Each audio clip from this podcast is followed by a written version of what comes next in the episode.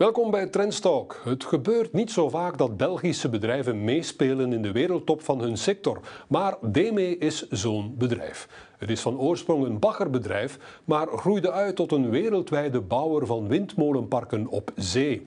DME werkt ook nog op andere manieren aan een duurzame wereld. Het zuivert en recycleert vervuilde grond en heeft plannen voor de productie van groene waterstof.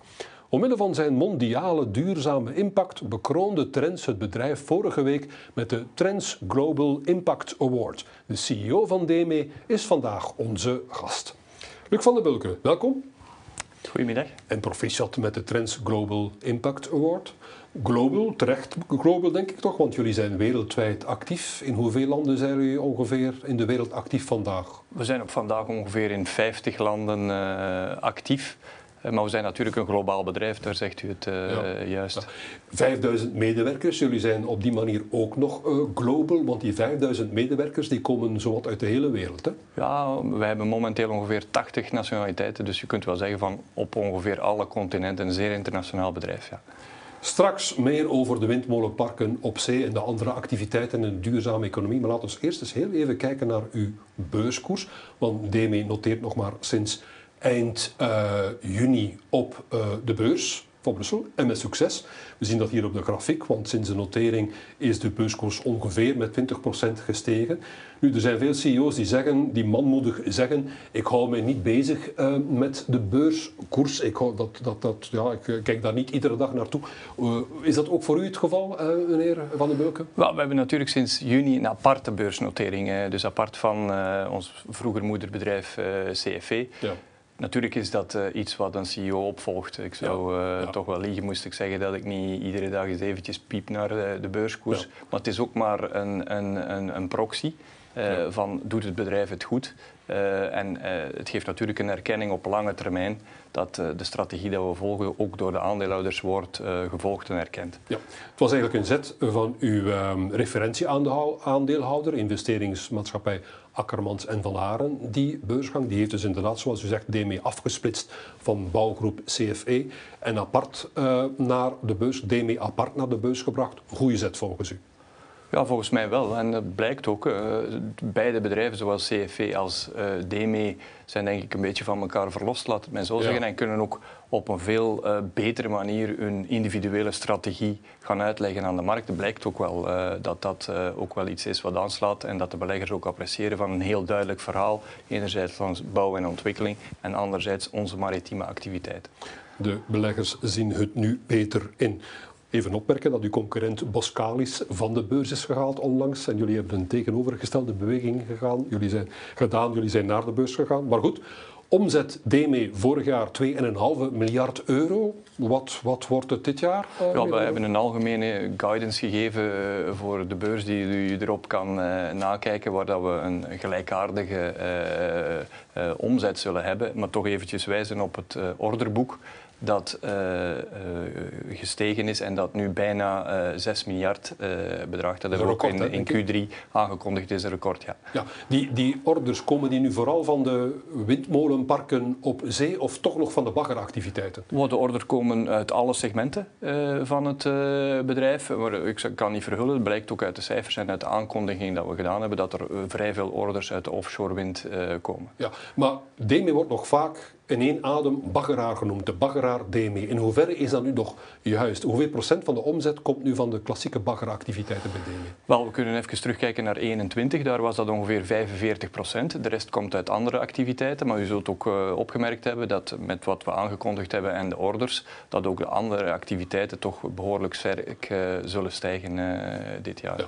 Wat die baggersector betreft, is dat is dat, een, is dat een oligopolie of is er nog voldoende concurrentie? Want buiten DME heb je nog de Nederlandse spelers Boskalis en Van Oort. En dan heb je uiteraard nog het Vlaamse uh, Jan de Nul. En dan is er nog een grote uh, Chinese speler. Is er voldoende concurrentie? Ik kan u verzekeren dat er uh, zeer veel concurrentie is. We zijn dus, zoals u ze noemt, de, de, de, de vier grotere West-Europese baggeraars.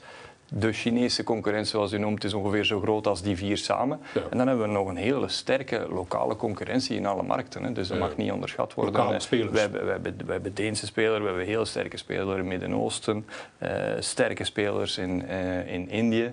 Uh, dus er is zeker voldoende concurrentie daar. Wat die Chinese speler betreft, kan die goedkoper werken door subsidies als staatsbedrijf? Is er oneerlijke concurrentie?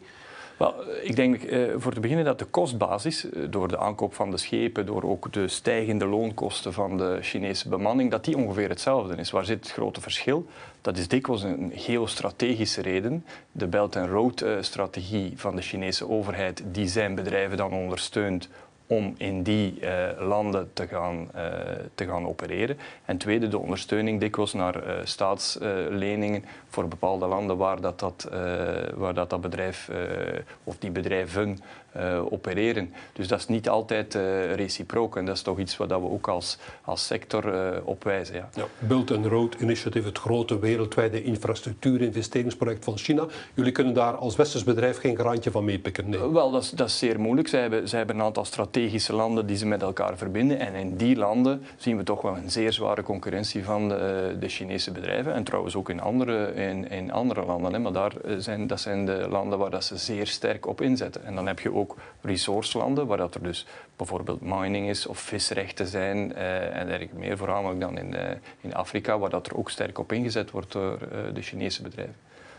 De stijging van de zeespiegel, laten we daar eens over spreken meneer Van den Bulke. Landen willen zich daartegen beschermen. Is dat een groeimotor voor de baggeractiviteiten? Maar dat is zeker een groeimotor. We zien bijvoorbeeld uh, Nederland hè, heeft een, een zeer sterk uh, hoogwaterbeschermingsprogramma waar dat ze dijken uh, gaan renoveren. Grote budgetten die daarvoor voorzien worden. Maar niet alleen Nederland. Er zijn een aantal eilandstaten, er zijn laaggelegen gebieden. Er zijn een aantal landen die er eigenlijk ook zouden moeten mee bezig zijn. New York is bijvoorbeeld een, eh, een voorbeeld. Hè. We hebben eh, in, in Amerika uh, San Francisco, we, hebben, we hebben landen gezien, waar, gebieden gezien waar dat het soms moeilijk wordt als, als er grote stormen komen. Dus dat wordt zeker wel, een, die hoogwaterbescherming wordt een, een, een, een van de groeimotoren van onze sector. En daarvoor zijn ook baggeraars nodig? Daar zijn ook uh, baggeraars voor nodig, ja. ja. Maar dat is niet de enige groeimotor natuurlijk. Daarnaast heb je ook uh, de bevolkingsstijging uh, de, en daarmee gepaardgaande stijging van de maritieme trafiek. Alsmaar groter wordende schepen, dus de havens moeten verdiept worden, vergroot worden veel gebieden. Wij hebben hier, we zijn de luxe in Europa, West-Europa, zeker bij ons hier, van op 500 kilometer tientallen havens te hebben. Maar er zijn veel landen waar dat nog niet zo is. En waar, dus ik noem maar Afrika, Indië eh, enzovoort, waar dat, dat ook eh, aan de orde is. Nu, over die stijging van die zeespiegel gesproken. Jullie werken ook aan duurzame kustbescherming op basis van ecologische oplossingen. Er is sprake van mosselriffen en zeegrassen.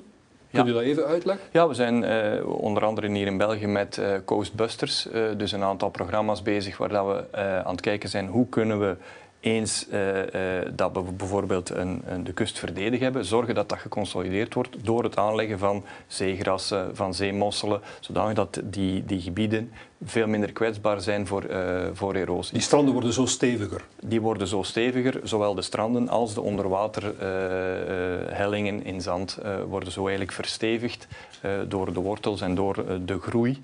En dat zijn zaken waar we nu testen op aan het doen zijn om dat dan wereldwijd ook te kunnen toepassen. Ah ja, want nu zijn dat nog testen, pilootprojecten, dat is nog geen volwaardige business voor? Dat is nog geen volwaardige business. Dat zal geïncorporeerd worden in, uh, in onze business in zowel Belgische als buitenlandse projecten. Wanneer ongeveer? Goh, men spreekt in de komende, in de komende jaren. Het uh, duurt een beetje voordat men daar natuurlijk ook uh, de nodige feedback over heeft. Men plant een aantal zaken aan en dan op basis van de studies dat we daar doen, gaan we dat dan ook in andere gebieden zowel testen als toepassen. Uiteraard zijn er nog de windmolenparken op zee. Hoeveel procent van de omzet maken die nu al uit? Dat is uh, variabel. We zijn een projectbusiness. Uh, ja. uh, vorig jaar was dat een, een, kleine 40% van onze, onze omzet.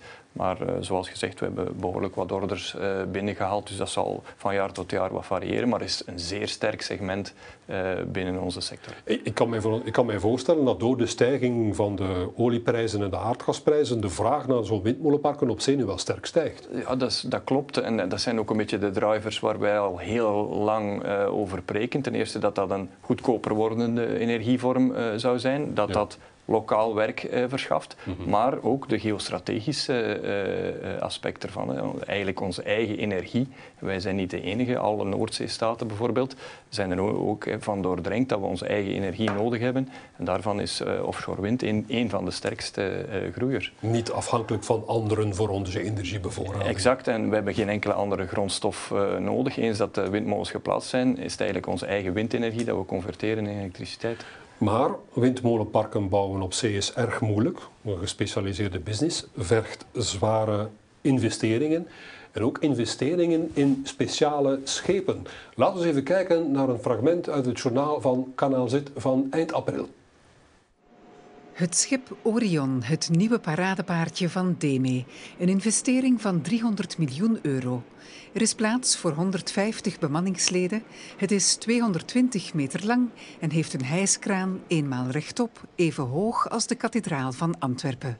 Heel belangrijk, een draagvermogen van 24.000 uh, ton. Dus we kunnen heel wat cargo uh, meenemen aan boord. Waarschijnlijk wel de pièce de résistance, uh, de kraan, die 5000 ton kan hijsen.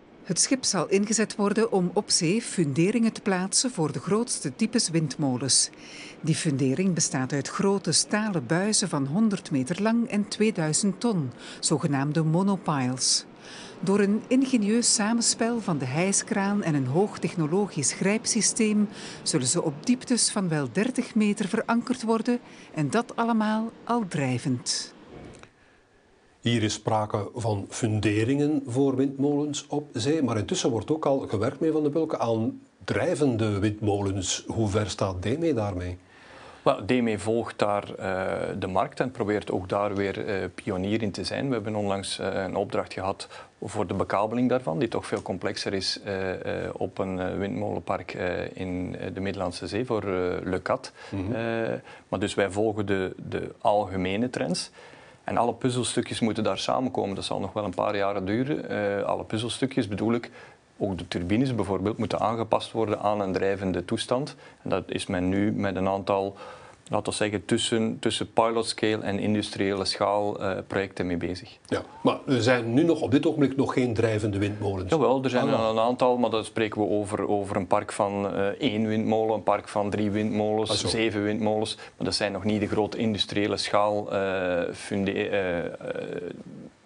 laten we zeggen, aantallen die we nodig hebben om dat straks uit te, uh, te rollen wereldwijd. Maar, maar, dat komt er wel aan? Dat komt er zeker aan. Dat komt er zeker aan. En dat wordt ook gedreven, dat wordt gedreven door een aantal factoren. Eén, uh, voor parken ver offshore, wat dat sowieso uh, veel dieper is. Ja. En voor een aantal gebieden, en ver offshore en, en dieper, dan spreek ik over de Middellandse Zee, dan spreek ik over Japan, dan spreek ik over een recente veiling van rechten in Californië waar dat de zee direct uh, zeer diep wordt. Mm -hmm. Wat je dikwijls ook wel hebt, is dat waar de diepte is en ver offshore, dat je heel goede windresources hebt. Ja. Dus dat de windopbrengst dan ook wel uh, goed is.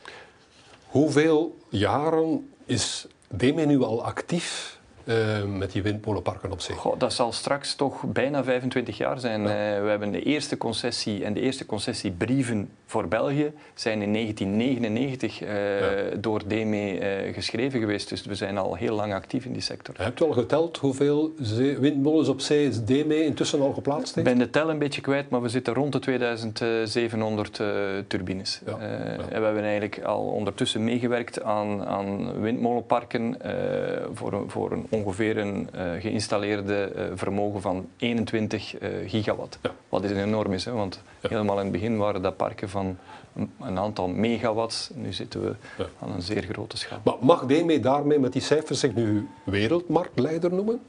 Wel, we, we, gebruiken dat begrip uh, graag, omdat we toch uh, een, van de, uh, een van de grootste, zo niet de grootste speler zijn. waarom zeg ik een van de grootste spelers? Dat is omdat de offshore windmolenmarkt eh, nogal een gediversifieerde markt is. Het is niet één markt. Je hebt spelers in de windturbine-funderingen, de windturbine-installatie, het leggen van de kabels, het grondonderzoek doen en, en dergelijke meer. En, en, maar als je eigenlijk ons combineert en kijkt naar onze marktaandelen in de, in de diverse onder, onderdelen, denk ik dat we mogen spreken van een marktleiderschap. Want jullie kunnen al die specialiteiten aan. Ja, klopt. Wij kunnen al die specialiteiten aan. We hebben ook over al die jaren al die specialiteiten uh, gedaan. In het ene segment zijn we iets groter uh, dan in het andere. Maar uh, we hebben voor, voor alle subsegmenten daarvoor hebben we de nodige schepen en mensen. Uw Vlaamse concurrent Jan de Nul die bouwt ook windmolenparken op zee. Werken jullie soms samen? Hoe, hoe gaat dat? Maar zo, zoals gezegd, we hebben, hebben in alle subsegmenten hebben we diverse uh, concurrenten. Uh, en, en, en het gebeurt wel eens, uh, misschien iets minder in de, in de offshore wind, omdat dat telkens met vrij unieke tuigen is. Maar in de bagger, dat we met andere spelers samenwerken. En dat is dikwijls omwille van het feit dat, het, dat we een beter bod kunnen maken naar de klant, omdat, omdat we verschillende heel goede schepen in een bepaalde geografische ligging hebben en zo een betere offerte kunnen maken in plaats van ze van overal aan te voeren. En zo werkt u samen met Jan de Nul, maar ook met de Nederlandse bedrijven in die sector? Wij werken met uh, de, de concurrenten, conculega's, partners samen, uh, waar we denken dat we voor de klant uh, de betere offertes kunnen maken.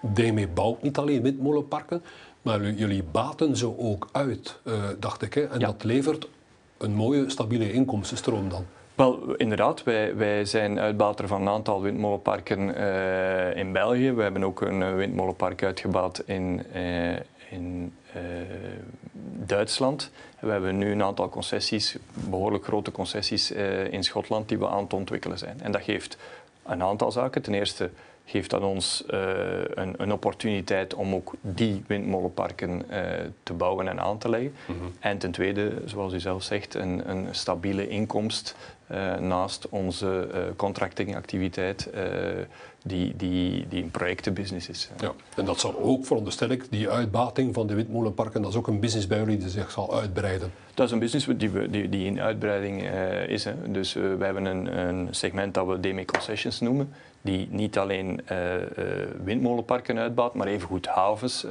uitbouwt. Waar we bijvoorbeeld de haven van Duqm in Oman, haven van Port-la-Nouvelle in Frankrijk uitbaten, maar ook, dus, zoals u zei, windmolenparken mee ontwikkelen. De markt heeft toch heel veel potentieel geografisch. Ik mag zeggen dat Europa begonnen is met de windmolenparken op zee, waaronder België, dacht ik toch. Maar dat het dan pas naar de Verenigde Staten is gegaan en daarna of tegelijkertijd, ik weet het niet, Azië. En nu zijn er grote plannen blijkbaar in Japan. Hè? Ja, dat klopt. Dus, dus uh, eigenlijk van, laten we zeggen, de hele beginjaren uh, van de jaren 2000 tot drie, vier jaar geleden was dat zeker voor ons een vrij exclusief Europese aandoening. en wat dat we nu vandaag zien, is dat er zeer grote ontwikkelingen, en, en u kent de Amerikanen direct een schaaltje groter zijn in uh, Amerika. En langs de andere kant ook een heel sterke ontwikkeling in Azië. En Azië, dat zijn dan... China is daar al een hele tijd mee bezig uh, met, met uh, hernieuwbare energie en ook met offshore wind. Maar we krijgen nu opkomende landen zoals Taiwan, Japan, Zuid-Korea, die dat ook aan het ontwikkelen zijn. En geleidelijk aan krijgen we ook het zuidelijk halfrond. krijg je nu ook ontwikkelingen in, in, in Australië, Brazilië. Het wordt dus eigenlijk een globale markt nu. DME doet ook aan bodemsanering en recyclage van vervuilde grond. Over welk deel van de omzet spreken we hier? Goh, we spreken over uh, historisch hier weer een, een, een grote orde, maar uh, terug een ruime grote orde van rond tussen de 5 en de 10 procent van de omzet. Ja. DME en het Nederlandse bedrijf Moerik die hebben een methode op punt gesteld om uh, grond te reinigen die met PFAS is vervuild. Laten we even kijken naar een fragment uit het journaal van Kanaal Z uit maart deze keer. Al bijna 30 jaar reinigt DEME in Calo bij Beveren op de linkeroever van de Antwerpse haven verontreinigde grond. In het grondrecyclagecentrum, opgericht met de Nederlandse industriële dienstverlener Moerik. En sinds enkele maanden is daar ook de reiniging bij gekomen van grond die vervuild is met PFAS. twee jaar geleden merkten we met ons bedrijf in Nederland dat er toch heel wat commotie was rond PFAS. En dan zijn we beginnen zoeken naar technieken om de verontreinigde PFAS-gronden te reinigen. En het heeft ons eigenlijk anderhalf jaar eh, gekost eer dat we tot eh, het goede proces kwamen om er zeker van te zijn dat als we gronden reinigen verontreinigd met PFAS, dat alle PFAS wordt verwijderd. Het grondrecyclagecentrum investeert nu 7 miljoen euro om de capaciteit uit te breiden met 300.000 ton hier en 200.000 ton in Huis de Zolder. Grond die na behandeling geen PFAS meer bevat. We gaan die eigenlijk brengen in een grote wasmachine. En dan gaan we eigenlijk de verontreiniging, de PFAS-verontreiniging uit de grond halen en die naar het water brengen. En nadien gaan we het water zuiveren met speciale filters. Die filters brengen wij naar een gespecialiseerde firma. En daar gaan die filters eigenlijk gedurende twee uur worden opgewarmd tot 950 graden. En dat zorgt ervoor dat die PFAS-ketens eigenlijk volledig worden afgebroken en omgezet worden tot onschadelijke producten. Ja, die onschadelijke producten, meneer Van den Bulke, die kunnen dan veronderstel ik hergebruikt worden voor andere toepassingen. Ja, dat, dat, is, dat is wel zeer case by case uh, afhankelijk. Dat hangt een beetje af van de oorspronkelijke vervuiling. We spreken hier over uh, onschadelijke restproducten van de PFAS-filters zelf. Hm. Maar wat we proberen is natuurlijk van de grond waar dat die uitkomt, daar gaat het over, van die op een zo goed mogelijke manier uh, te reinigen en ervoor te zorgen dat we daar terug toepassingen voor gaan hebben in de wegenbouw of in andere uh, bouwaspecten. Uh, Natuurlijk, eh, nogmaals, dat hangt af van wat was de basisverontreiniging, wat zit er nog andere verontreinigingen en uh, uh, een zeer gereguleerde markt terecht ook. Ja. waar dat we, is, is dat nu een groeibusiness? Hoeveel van die grondrecyclagecentra heeft DME intussen? We hebben een vijftiental centra in België waar dat we grond opslaan, slash reinigen, slash deponeren. Mm -hmm. en dat is een, een, voor onze markt waar we vooral in, in, in, in de Benelux, Noord-Frankrijk, dus een beetje rond onze reinigingscentra uh, opereren. Dat is ook een, een, een markt die eigenlijk uh, vertrekt vanuit een, een goed regulatoire uh, kader die nu geleidelijk aan in meer en meer landen ook uh, aan het komen is. Ja, de business wordt toegelaten, om het zo te zeggen, door de regelgeving die verbeterd is of zo. Is dat Wel, uh, de regelgeving is ervoor nodig. Hè. Ah. Men, men, moet een duidelijke regelgeving hebben, zoals in België is. Als er een terrein moet verkocht worden, dan moet het uh, gesaneerd of moet, moet, er een certificaat voor zijn. En ieder land heeft zo zijn eigen wetgeving en normen aan de welke dat dit moet voldoen. En dat is ook nodig dat kader, daarzonder is, is, weet je niet tot, tot hoeveel dat je moet reinigen en wat je moet reinigen. Eh. DME heeft ook initiatieven lopen voor de productie van groene waterstof, zowel in Oman en in uh, Egypte wat, hoe ver staat het daarmee en wat kunnen we daar eigenlijk van verwachten? Ja, wel, eigenlijk eh, is de, uh, we noemen dat het, het high-port concept. Hè. Dus we hebben een aantal um, landen waar dat we opereren. Mhm. En wat we daar doen, om eventjes het voorbeeld van Oman te nemen, we baten daar ook de haven uit. En we gaan daar een grote installatie maken samen met een partner van onshore wind en zonne-energie. Om daarvan dan via elektrolyse groene waterstof te maken, die we dan gaan opzetten, omzetten naar uh, groene uh, ammonia, die we dan gaan transporteren wereldwijd, bij voorkeur naar, uh, naar Europa, om eigenlijk groene feedstock te hebben, dus groene grondstoffen voor onze industrie. En die, dus ja, die, die waterstof zal gebruikt worden, veronderstel ik, bijvoorbeeld in Antwerpen voor de chemische industrie dan? Ja, dat is een goed voorbeeld. Er kan gebruikt worden, bijvoorbeeld uh, ammonia is een, is een uh, basisgrondstof voor meststoffen. het is een groene waterstof kan gebruikt worden voor een groot aantal chemische processen. Het kan gebruikt worden voor de staalindustrie. Dus dat is, dus de, dat is waar dat we de toepassingen daarvoor zien. Ja. En Antwerpen is een absolute target cluster. Hè?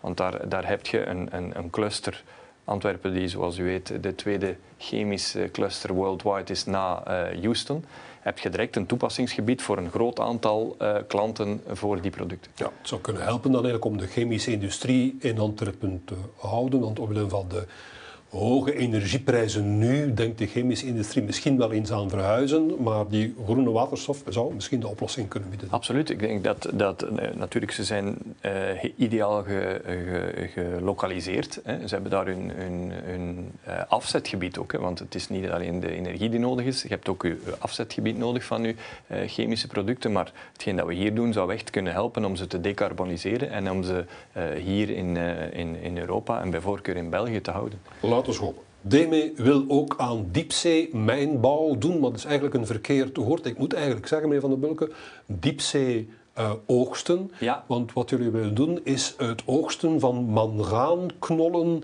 die op de zeebodem liggen. Leg ik het zo goed uit? Ja, je legt het goed uit. Uh, dus, dus die mangaanknollen die eigenlijk op de zeebodem liggen. Uh, waarom noemen we het niet mining? Omdat wij niet gaan graven. Hè. We, we, we, zuigen ze eigenlijk op, uh, zoals met een grote stofzuiger Daar komt het op neer. Ja. Uh, en uh, die mangaanknollen bevatten dan wel weer grote hoeveelheden van een aantal mineralen, metalen die nodig zijn voor de energietransitie. Onder andere kobalt, dacht ik ook. Hè? Onder andere kobalt, maar ook niet vergeten koper, mangaan, nikkel. Allemaal zo'n beetje, denk ik, de molecules die in België doen rinkelen voor de energietransitie, voor bekabeling voor windturbines, voor batterijmaterialen natuurlijk. Uh. En zijn er veel van, veel van die knollen of is dat maar een klein beetje op de zeebodem? Nee, we, dus onze, uh, we spreken hier over de Clarion-Clipperton Zone. Dat is waar dat wij willen opereren. Dat is tussen San Diego en Hawaii. Dat is een zeer groot gebied. en en de, dat is een gebied waar dat de, de zeebodem ook behoorlijk vlak is niet te vergeten op 4500 meter uh, diepte. En daar zie je dus een zeer grote densiteit aan knollen die de ene naast de andere uh, liggen. Het probleem blijkt te zijn dat er nog niet echt een wettelijk kader is voor die diepzee-oogsten van mangaanknollen. Dat klopt. Dus uh, dit is in uh, internationale wateren, hè, waar dat er dus ja, geen enkel land eigenlijk een territoriale bevoegdheid over heeft. Ja. En uh, alle landen hebben dat gedelegeerd aan de Verenigde Naties. Dat, heet, dat orgaan heet de International Seabed Authority.